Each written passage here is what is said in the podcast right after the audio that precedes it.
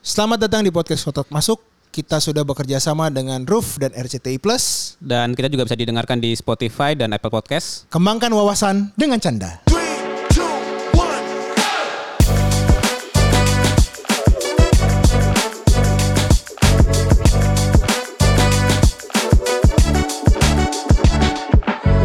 Wah, selamat pagi, Pagi, siang, sore, Eh, siang sore Bang Moses. Bro Niko, Bro Niko, sekarang nih kita nih udah masuk bulan apa nih?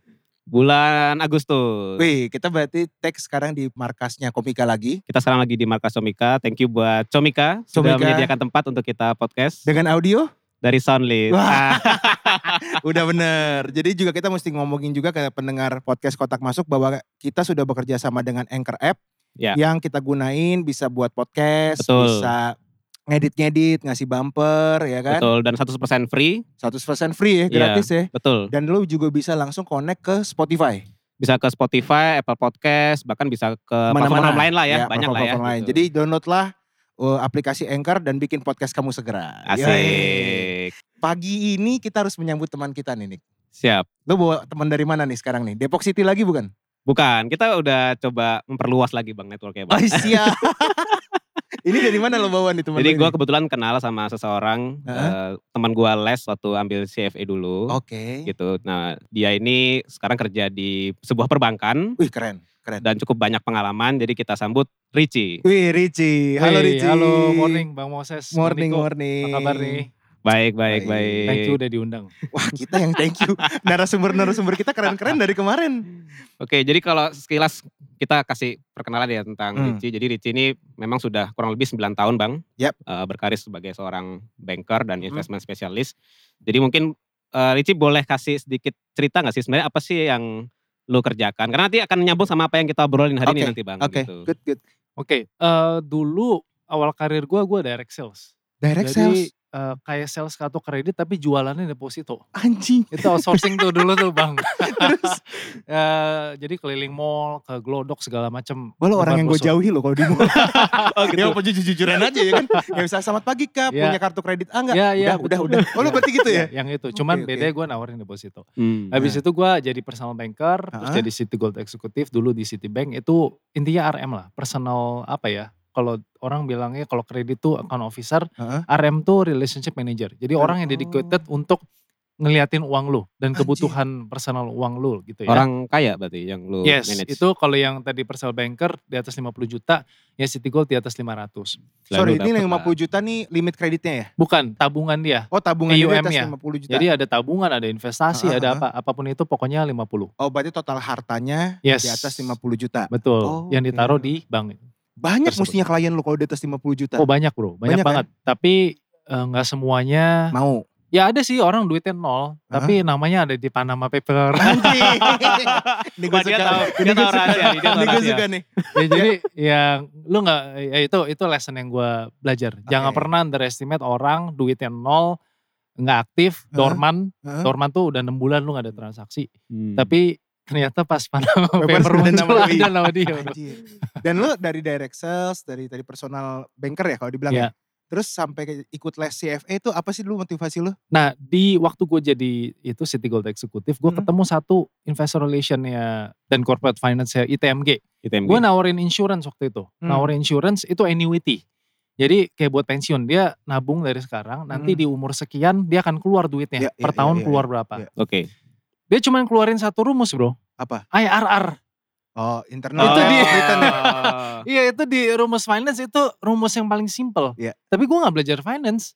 Oke. Gue langsung damn. Gue gak bisa ngomong apa-apa. Karena Hmm. dia bilang ini IRR -nya segini. I have no idea IRR tuh apaan. Oke. Dan akhirnya gue mikir nggak bisa kayak gini nih caranya nih.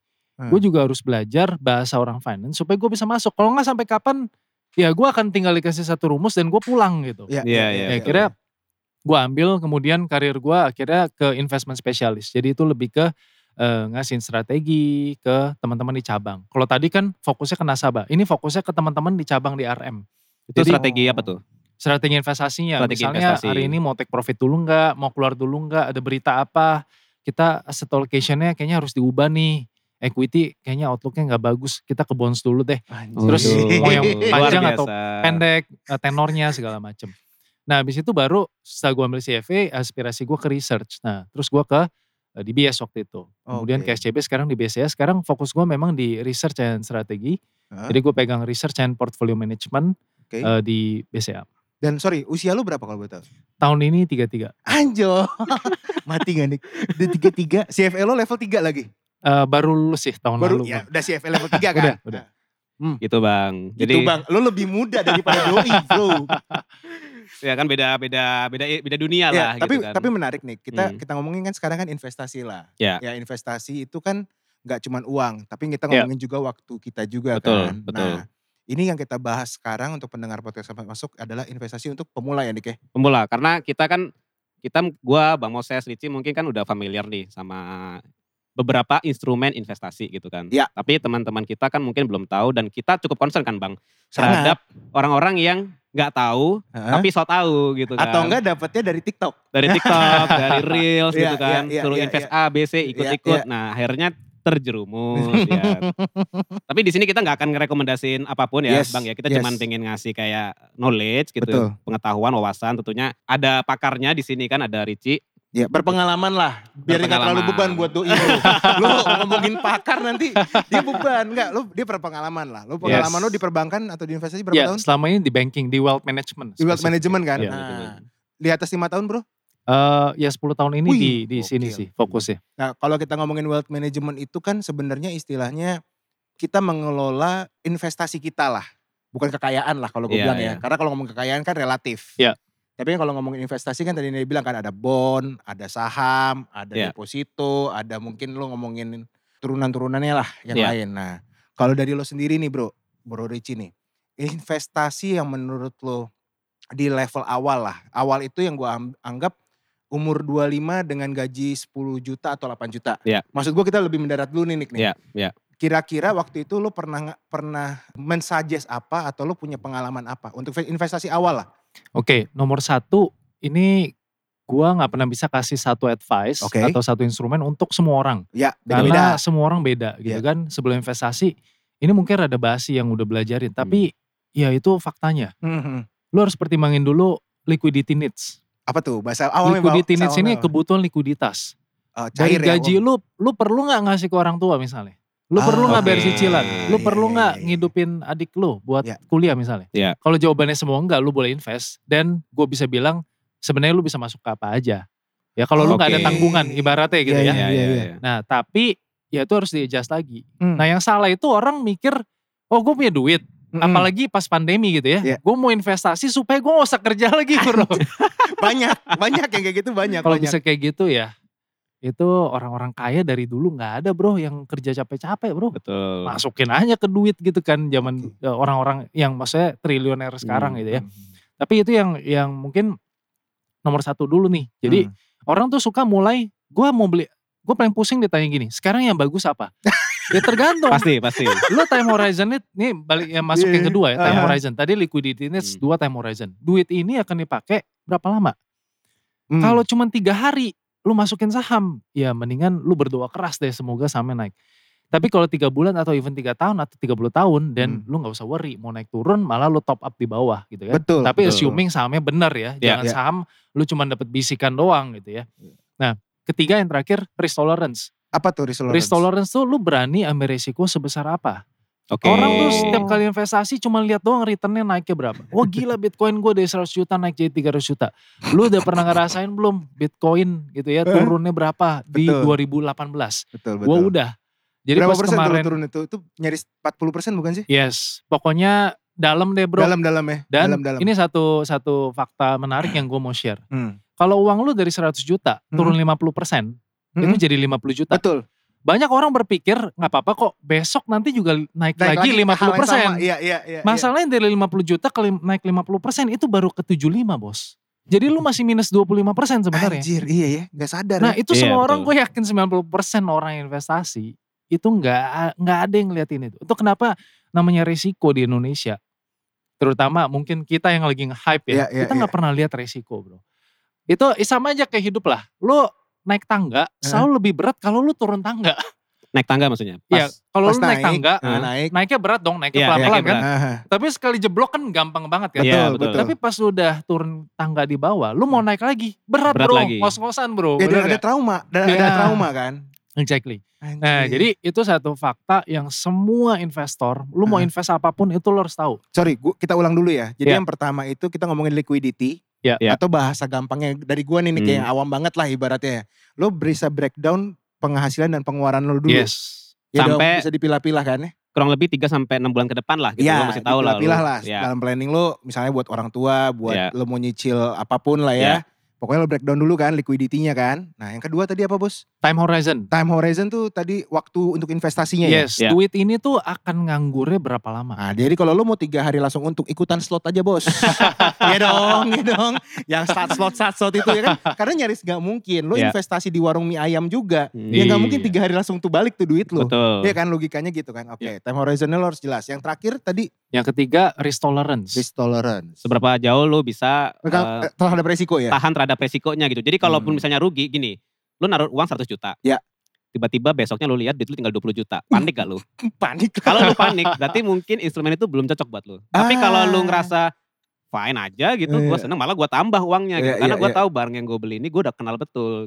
Ah, ngeri, ngeri, ngeri, ngeri. Nah, pendengar podcast kotak masuk, kita tidak mensuggest apapun. Iya. Tapi ini tiga metode lah ya. Tiga metode. tiga hal yang harus tiga hal, diingat lah betul. Iya, ya Hmm. sebelum kita nentuin mau invest apa gitu. Yes, ini bener-bener investasi basic loh. betul, betul. Dan lagi kalau pendengar kita mau dengar ilmu ini nih harus bayar biasa. ini, Ini gratis, gratis. anjing. Karena pakai anchor. Pakai Ya, betul betul lagi. gitu. karena pakai anchor benar benar benar benar. Ya, kalau dari gue sih udah mulai paham nih Bro Dici nih. Iya. Dan kalau misalnya nih kita ngomongin tadi terhadap resiko ya nih. Iya. Resiko itu kan nggak semua orang paham sebenarnya. Dan Betul. kebanyakan tuh bisikan-bisikan teman. Betul. Ah, aman kok bro.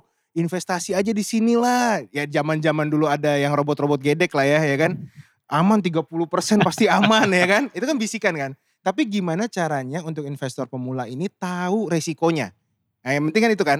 Dia tahu dan infonya valid. Menurut tuh dari mana dia bisa tahu? Sebenarnya simple bro. Apa? Jawabannya ada di Google semua. Contoh, Ah, Ya. lu mau beli Bitcoin. Ya. Lu lihat harga Bitcoin dong. Betul, betul. Sebenarnya as simple as kalau lu buka Bitcoin atau Yahoo Finance atau investing.com atau dimanapun itu, lu tinggal klik yang lima tahun chart Ah, atau yang maksimum.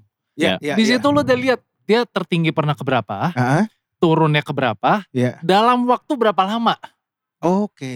gitu kan? Betul, betul. Jadi dari situ sebenarnya lu mau ngitung resiko itu udah cukup. Dan lu siap gak? Lu ibaratnya kan ngomongin dam- damak sama Exactly. cermin ya. Iya. Kalau misalnya naik 50% dan turun 50%, apakah diri gue siap terhadap investasi ini? Yes. betul, betul. Mungkin tambahan dari gue ya. Ah. Kita bisa kan belajar dari orang yang memang udah pengalaman gitu. Nah, Oke. salah satu contohnya apa? Memang yang udah ini banget lah, masternya banget lah, Warren Buffett gitu misalnya. Oke. Lu dengerin aja dia opininya gimana ya gitu. Oh, Karena bisa ya. Pasti beda dong orang yang udah punya pengalaman Mm-mm. sama orang yang lu baru tahu dari TikTok gitu loh. Terus masa lu lebih percaya orang yang baru lu kenal dari TikTok gitu kan? Betul, betul. betul, betul, betul, betul. gitu. Jadi ya coba dengerin oh Warren Buffett ngomong per- perspektifnya dia apa sih Ya, gitu. Atau ya. misalnya di Indonesia banker-banker yang udah berpengalaman siapa sih, bagaimana sih opini dia. Udah lu Betul. dengerin aja terus itu lu timbang-timbang. Lebih bagus kalau memang lu punya teman yang paham gitu kan. Ya, dan Kadang-kadang- ini sifatnya opini ya. Sekali Betul. lagi ya gue highlight lagi nih. betul. Karena jangan sifatnya itu mengajak gitu loh. Ya. Lo- Yes. Lo, jadi terpengaruh. Mm. Opininya dipertimbangkan dulu lah Ya. gitu ya Nick ya. Ya. Oke, oke. Terus menurut lo Nick sama Ricci deh. Kita kan sekarang kan udah masuk ke era bukan pandemi lagi. Ya. Ya mau Ya. nyaris endemi lah. Ya. Dan sekarang kalau di- bisa dibilang nih dari lo sendiri ngomongin wealth management ya. Orang kan sekarang kan bener-bener udah tinggal, udah punya uang lah ibaratnya sekarang nih Ya. untuk menge- di- diolah lah. Nah sekarang kalau dia ibaratnya investasinya dia udah tahu, mengeksekusinya nih sekarang nih. Resikonya dia udah ambil ya tadi ya. Pas mengeksekusinya menurut lo tools-toolsnya atau dia harus kemana kalau dia punya uang misalnya 100 juta. Untuk diinvestasi misalnya ke saham deh. Nah lo biasanya tuh step untuk eksekusinya gimana? Karena kan yang tadi pola pikirnya udah benar. Kan percuma aja kalau gak diapa-apain tuh duit. Nah Iya. ini eksekusinya menurut lo gimana nih? Oke, eh, yang pertama soal saham. Oke. Dulu gue pikir abis gue beli CV, Mm-mm. oh main saham mah gampang bro. Mm-hmm. Oh, iya. Ternyata faktanya salah bro. Oh gitu ya? Mm-hmm. Karena waktu lu beli saham, Mm-mm. kalau mau ngomong yang benar ya, lu Mhm. tuh lagi beli perusahaan. Betul. Oh. oke. Problemnya adalah gue cukup yakin lebih dari 80% Mm-hmm. investor di Indonesia beli saham nggak pernah lihat laporan keuangannya. Oh sangat. Betul Ditanya sekali. laba Betul, bersihnya tahun ini berapa Iya, betul. juga nggak tahu bro. Iya iya iya. Apakah year on year naik? Gue yakin nggak tahu juga. Tahu. Tahunya cuma dari lihat di YouTube atau dimanapun itu. Iya iya. Nah itu yang sebenarnya rada bikin gua sedih. Sedihnya kenapa? Karena ujung-ujungnya nanti akan banyak orang merasa dan ngomong, sorry this is not for me. Gue Hmm. investasinya di emas aja. Gue Oh. investasinya di properti aja. Ya, ya, sorry gua ya. ini ini gue gak hoki nih main beginian. Hmm. Sebenarnya bukan gak hoki. Cuman pas mulai impresinya udah salah. Hmm. Ibaratnya ya kalau gua orang eh, umat ini ya Nasrani ya. Hmm. Lu datang ke gereja, ke gereja supaya lu masuk surga bro. Ya. Padahal apakah sebenarnya ada jaminan lu ke gereja pas lu masuk Ya, surga? justru enggak tidak. juga sebenarnya.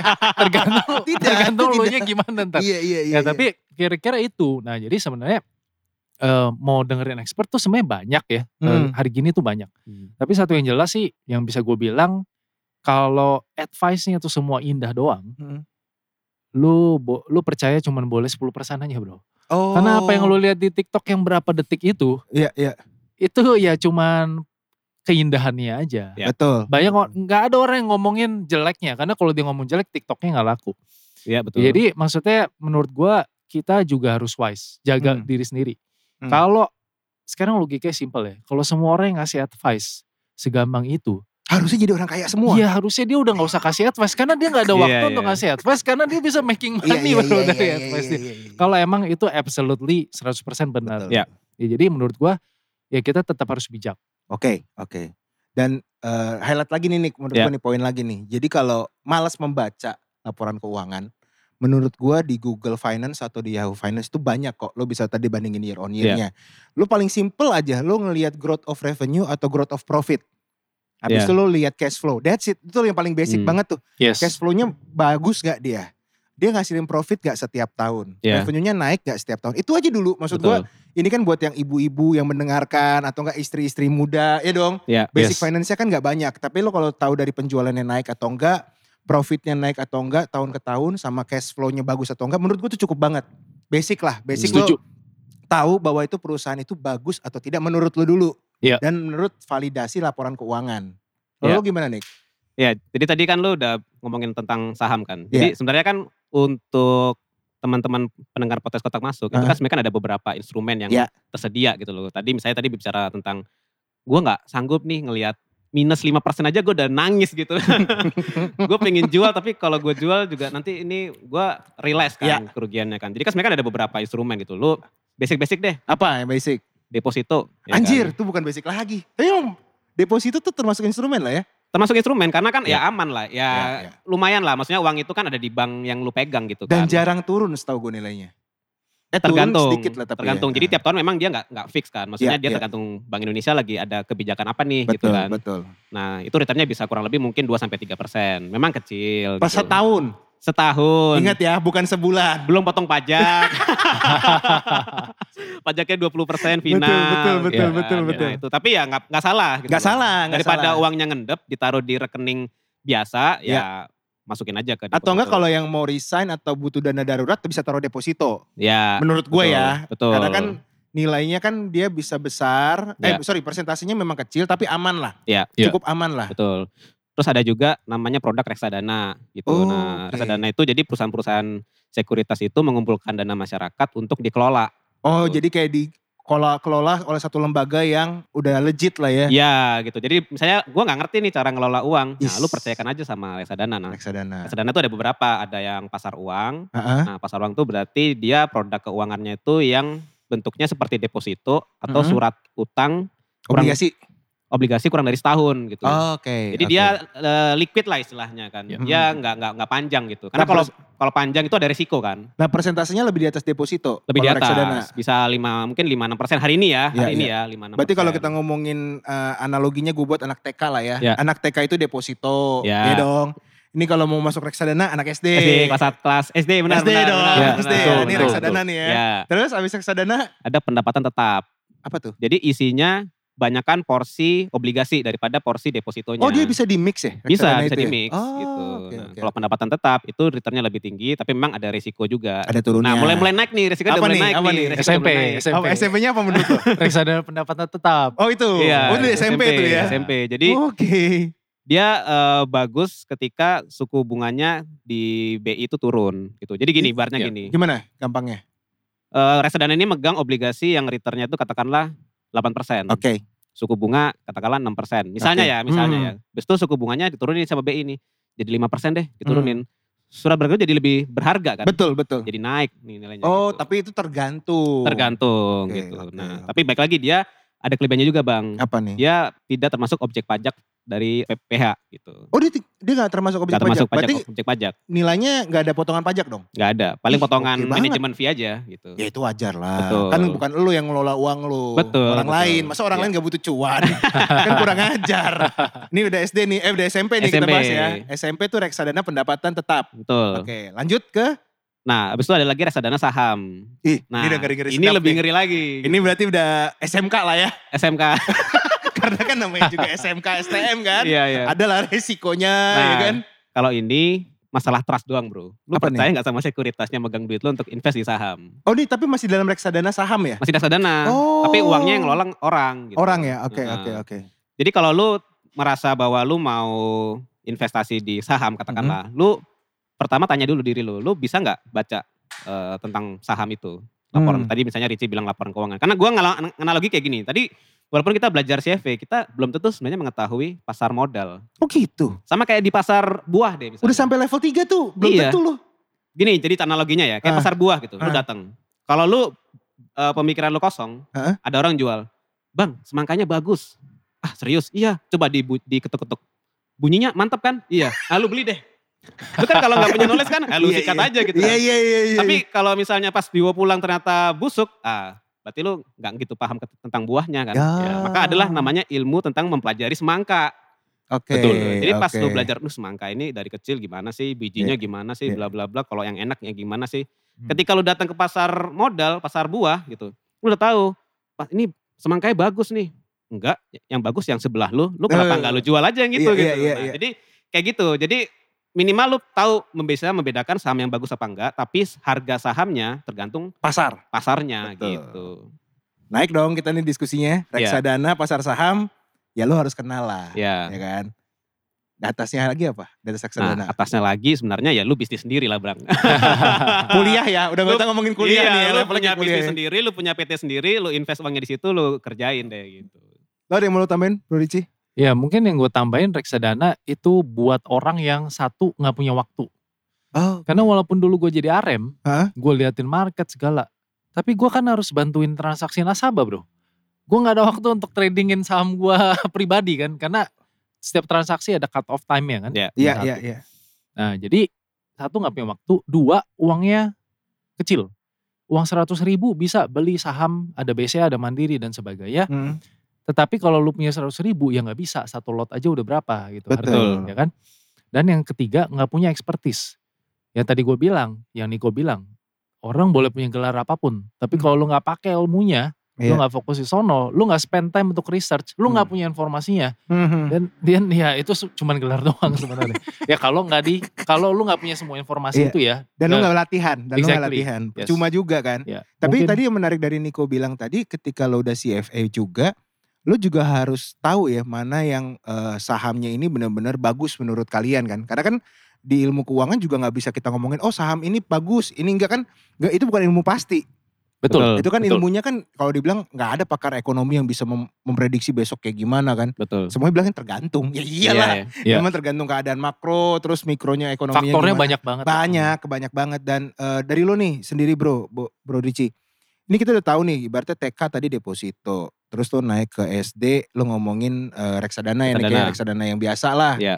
terus naik lagi ke SMP reksadana pendapatan tetap Iya. naik lagi reksadana saham terus lo buka bisnis sendiri dan kalau investasi ini kan investasi yang menurut gua agak normal nih bro lo pernah nggak ngeliat investasi yang kayak tadi nih tiba-tiba bitcoin nih itu kan nggak ada di kuliah nggak ada di mana nih ilmunya nih dan Iya. lo tanggapan lo terhadap ilmu investasi atau investasi baru lah ya yang kita anggap eh, kayak kripto bitcoin Terus kayak ya robot-robot itu. Menurut lo pas lo denger itu apa pendapat lo nih men?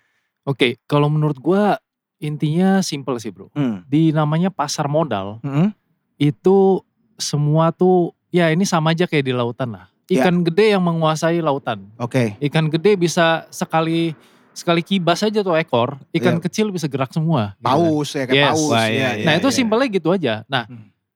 di pasar keuangan ada nggak sih sebenarnya ikan gede ini misalnya di US even di Indonesia ada ada yang Hmm. ngegerakin gitu ya karena dia eh, besar lah ya Hmm, baik hmm. itu di institusi dana pensiun dan Iya. sebagainya. Sekali gerak market gerak. Iya. Problem with eh, sekarang ya kayak modern finance kali ya Yes, gue bilang ya yes, digital modern finance. finance. Uh-huh. ya. Ini adalah nggak ada yang tahu what is happening really karena gerakannya semua cuman dari Twitter aja bisa gerak Ya iyalah. yang nggak ada valuasi, yang nggak ada apa, akhirnya orang semua ngikutin. Lu tahu nggak itu nilainya berapa? Gimana cara nilainya? Hmm. Gue believe on the technology, Hmm. but not on the price movement. Anjir, Karena- keren iya, iya, nih, iya, keren nih, iya. keren Karena nih, itu keren nggak nih. ada justification ya bro. Ah. Teknologinya bagus, gue agree akan diimplement yes. Hmm. Tapi apa dasarnya harga itu di satu titik tuh harga akan terlalu mahal atau terlalu murah. Betul. Oh. Nah, lu mau pakai metrik apa Hmm. gitu? Nggak bisa. Karena sekali Elon Musk nge-tweet, harganya bisa naik 20%. Hmm. Ya, Dia bilang Tesla pakai Bitcoin. Nggak Hmm. nyampe tiga bulan dia bilang sorry kita nggak jadi pakai Ya, Bitcoin. direvisi, direvisi. Terus dia jual Bitcoinnya. Hmm. Nah terus tapi ya karena nggak ada regulator nggak ada apa, nggak ada yang bisa protek. Oh. Jadi intinya sih hmm, di dunia yang kayak gini ya kita harus tahu dulu nih kita ikan gede apa ikan kecil. Hmm. Kalau kita ikan kecil ya lu harus tahu juga resikonya tuh apa. Karena nggak akan ada yang bisa ngejagain lu ibaratnya. Hmm. Kalau di capital market ya tetap ada sih gitu ya goreng menggoreng. Tapi kalau terlalu obvious, apalagi bisa menciptakan sistemik risk, regulator pasti kan turun Iya. tangan. At the very minimum ya kayak gitulah bro. Hmm. Tapi kalau di dunia kripto, siapa yang bisa tolong? Siapa yang bisa nolongin lu? nggak ada sih. Ya nggak ada kan? Iya iya iya. Paling teman lu sabar ya bro. Iya nggak? Nggak, karena gini kan, maksud gue gini, kita juga harus sama realize juga tadi ketika kita ngomong di awal pembahasan kita nih. Ya. Lu udah siap gak sih atas resiko ini? Ya. Dari uang yang lu udah pilah-pilah, untuk investasi udah dapet, investasi yang konvensional dulu lah, Ya. deposito, reksadana. Oh lu ada uang lebih lagi nih, lu mau main ke modern finance atau digital finance, ya monggo aja. Itu kan hak-hak semua mar- pendengar kita kan. Betul. Tapi lu siapin dulu resikonya kalau tiba-tiba jatuh. Paling cuma temen lu, sorry ya bro. Ya itu kan? itu yang yang orang nggak nggak aware. Jadi gini, ini gue pun termasuk pada saat Bitcoin 2016-2017 itu Heeh. lagi mulai naik hype Sangat, walaupun sangat, nggak nggak sangat. pada saat seperti kayak untuk pandemi kemarin sih Hmm. gokil. Jadi dia, temen gue cuma bilang gini aja. Jadi ada satu Bitcoin namanya Ripple. Heeh. Harganya itu 0,01 dolar. Iya. Pada saat dia eh, pertama kali invest. Iya. Dia bilang gini, gue invest 100 juta. Mm-mm, Harganya 0,01. mm-mm. Di bulan Januari 2017 harganya jadi 2 dolar. Anjir, Berapa berarti? Berapa kali? 200 kali kan? Gila sekali ya. Nah lu pikir deh, berarti dari 100 juta jadi 200 mi, 2, miliar. Hah? Gimana gua gak tergoda?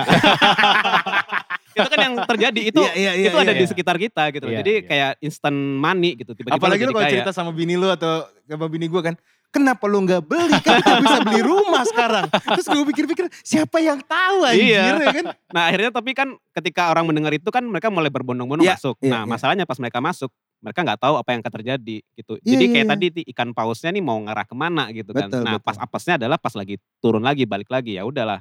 Itu masalahnya mereka nggak ngerti resikonya bang. Itu makanya kita tujuannya kita mau ngedukasi bahwa iya memang betul ada opportunity lu dapat gain lebih gede. Betul. Tapi lu juga tahu ada opportunity lu juga lu akan loss gede gitu kan. Iya iya iya dan dan memang harus di eh, kalau tips dari gue nih Iya. untuk investasi pemula lah ya. Hmm. Jangan lo pakai uang pendidikan anak lo, Iya, betul. cicilan rumah lo untuk investasi. Iya iya. Karena iya. itu kan banyak tuh kalau gue baca di tik, apa komen TikTok, Hmm. IG gitu ya yang adalah mungkin dulu yang sempat investasi-investasi Iya. yang tiba-tiba naik abis itu langsung jatuh semua. Aduh ini gimana nih uang sekolah anak saya bla bla bla bla tanggung jawab. Adanya lu yang tanggung jawab sendiri. Kalau dari gue ya Iya. jangan pernah lo pakai du- biaya pendidikan untuk rumah apalagi untuk makan ke investasi yang Iya. resikonya lo sendiri nggak tahu. Kalau dari lo apa Bro Ricci untuk tipsnya dulu deh. Ya ini gue pengen sharing sih yang gue Hmm. belajar di CFA level 3. Hmm? Dan ini yang gue selalu sharingin ke nasabah, ke Ya. teman-teman Hmm. RM, teman Hmm. spesialis. Ada ini namanya goal based investing. Jadi Ah intinya sorry sorry diulang apa? Goal? goal based investing. Oke. Jadi investasi lu ada goalnya. Hmm. Ya sama kayak hidup. Kalau Betul. kita nggak ada tujuan, ya udah kita buang waktu, buang duit. Ya, Mau berapa betul. banyak pun waktu atau duit yang kita punya habis for nothing. Hmm. Sama uang juga sama. Nah di goal based investing ini ada tiga risk bucket. Hmm. Yang pertama personal. Personal ini adalah kayak uang hidup lu, uang lu bayar Yang tadi gua maintenance. bilang ya. Yes, yang tadi lu bilang ya. Buat bayar cicilan, rumah dan sebagainya. Itu personal risk bucket. Oke. Uang ini adalah untuk memaintain hidup lu. Ya. Gitu ya. Jadi Betul. nggak boleh diapa-apain. Hmm. Jadi semua orang yang first jobber segala macam, kalau punya uang harus maintain ini dulu. Personal risk bucket harus jadi dulu. Hmm. Kalau ini udah jadi, selanjutnya ada namanya market risk bucket.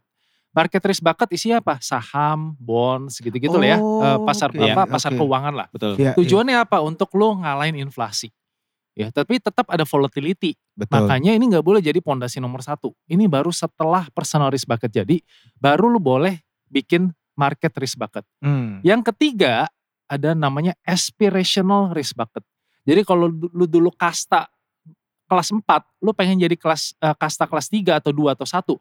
Nah, inilah kotaknya. Contoh Hmm. misalnya masuk Bitcoin. Di US banyak banget orang resign eh, investment banker gaji gede-gede ratusan ribu per tahun. Dia resign dia masukin Bitcoin, uangnya jadi sekian juta. Hmm. Tapi dari sekian ribu atau juta orang yang kayak gitu yang berhasil ya mungkin cuma 10 orang Anjir, Gitu kan, kecil atau banget 20 orang. probabilitasnya. gue nggak tahu the number Ah. tapi logika gue sih nggak mungkin banyak banget pasti tinggal cuma segelintir orang Betul.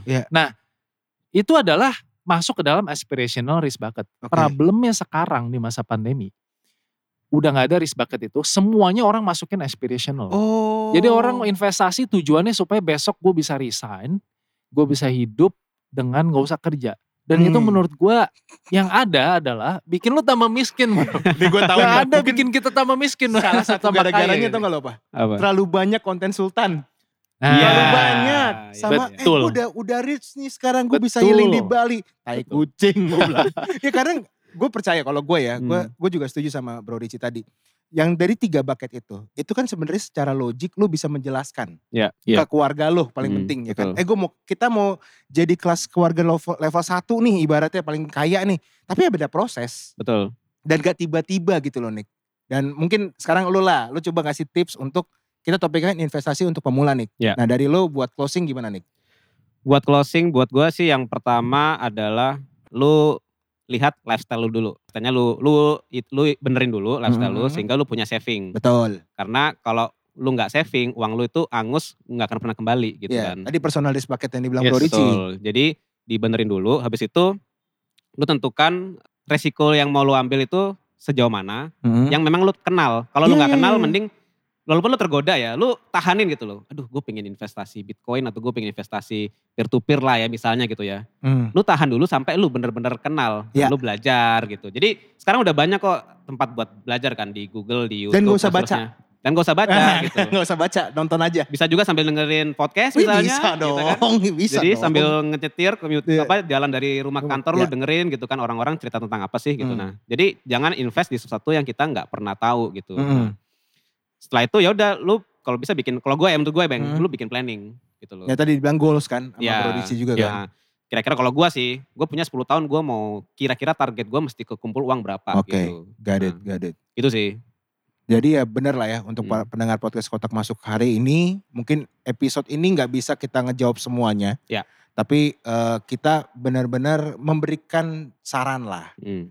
biar lo nggak terjebak ke dalam Bitcoin yang kedua, ya Iya, kan iya, kripto yang nanti kedua. Pa- Karena gue yakin digital finance atau digital investment juga pasti akan berevolusinya lebih cepat Hmm. lagi. Dan itu kan memang nanti di topik-topik kita kan juga akan kita bahas ya Nike. Iya. Tapi mungkin nggak ada sih korban Bitcoin, aku nggak mungkin sih. Mungkin Jarang. terakhir dari gue satu bang, sorry Apa, gue apa? tadi gue keinget. Masalah ekspektasi. Oke. Jadi atur ekspektasi lu. Oh Ini, jadi kadang-kadang kita tuh punya ekspektasi yang berlebihan gitu. loh. Ah iya jadi iya iya. kayak lu mesti kita mesti terima lah bahwa lu kalau mau invest itu yang aman itu sekian persen dapatnya. Lu terima Hmm. dulu gitu loh. Oke, sampai lu udah sampai pada level lu terima gitu ya. Ya sih, kalau memang gua mau aman, gua mungkin dapat returnnya katakanlah ya Bang ya, 5 sampai 6 persen per tahun. Udah lu terima dulu itu. Kalau lu mau lebih, ya either lu tambah pendapatan lu, Ah. lu Nah. kurangi pengeluaran lu, Atau lo memang invest di saham, tapi kalau lo mau invest di saham, ya lo mesti belajar dulu, jangan langsung nyebur gitu. Jadi ekspektasi kadang-kadang is- apa ya akan membunuh lo bang gitu loh. Yang Iya. bikin ketika lo mau dek- PDKT nih, lo sakit hatinya, ma- semakin parah sakit hati lo adalah ketika lo semakin berharap dia bisa jadi milik lo. Ah, iya, kan. iya, iya, iya. Tapi kalau lu nothing tulus, ah yaudahlah gue coba aja. Ketika lu gak dapet, ah yaudah memang gue, nggak- memang dari awal emang nothing tulus aja gitu loh. Oke, oke. Nah, Nothing Tulus ini dan goals tadi yang disebut Bro Ricci, coba didengarkan, coba diresapi dan kalau nggak apa-apa dikoreksi juga di kita, bisa Ya. di email, bisa di IG kita. Thank you pendengar podcast Kotak Masuk untuk episode ini. Thank you Bro Ricci. Thank you. Kita lanjut Thank lagi you, di Ricci. episode berikutnya. See you, bye-bye. Sampai ketemu Thank di you. episode selanjutnya. Thank you. Thank you. Bye.